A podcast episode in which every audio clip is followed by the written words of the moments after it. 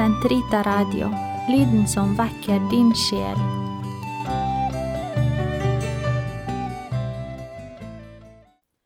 Den katolske kirkes katekisme, uke 45, søndag 24.15-24.18.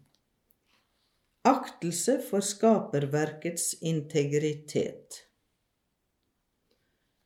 Det syvende bud påbyr å respektere skaperverkets integritet. Dyr, og også planter og vesener uten sjel, er etter naturens orden bestemt til det felles beste, for fortidens, nåtidens og fremtidens menneskehet. Bruken av verdens mineral-, plante- og dyreressurser kan ikke atskilles fra moralens krav. Det herredømme over vesener uten sjel og over de andre levende vesener som Skaperen overga menneskene, er ikke betingelsesløst. Det modereres av omsorg for nestens livskvalitet, deriblant fremtidige generasjoners. Det fordrer religiøs aktelse for skaperverkets integritet.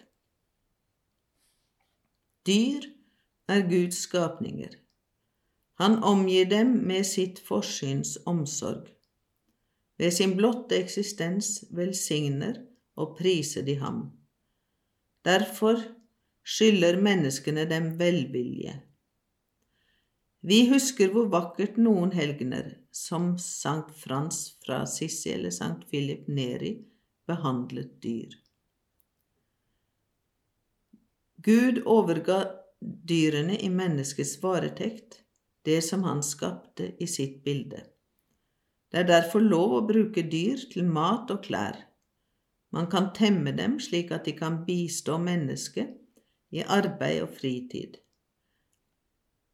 Medisinske og vitenskapelige eksperimenter på dyr er en moralsk sett tillatelig praksis dersom de holdes innenfor rimelighetens grenser, siden de bidrar til å helbrede eller spare menneskeliv.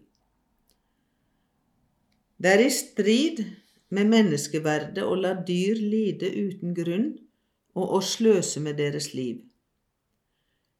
Likeledes er det uverdig å kaste bort på dem pengesummer som i første rekke burde gå til å lindre menneskers nød. Man kan være glad i dyr.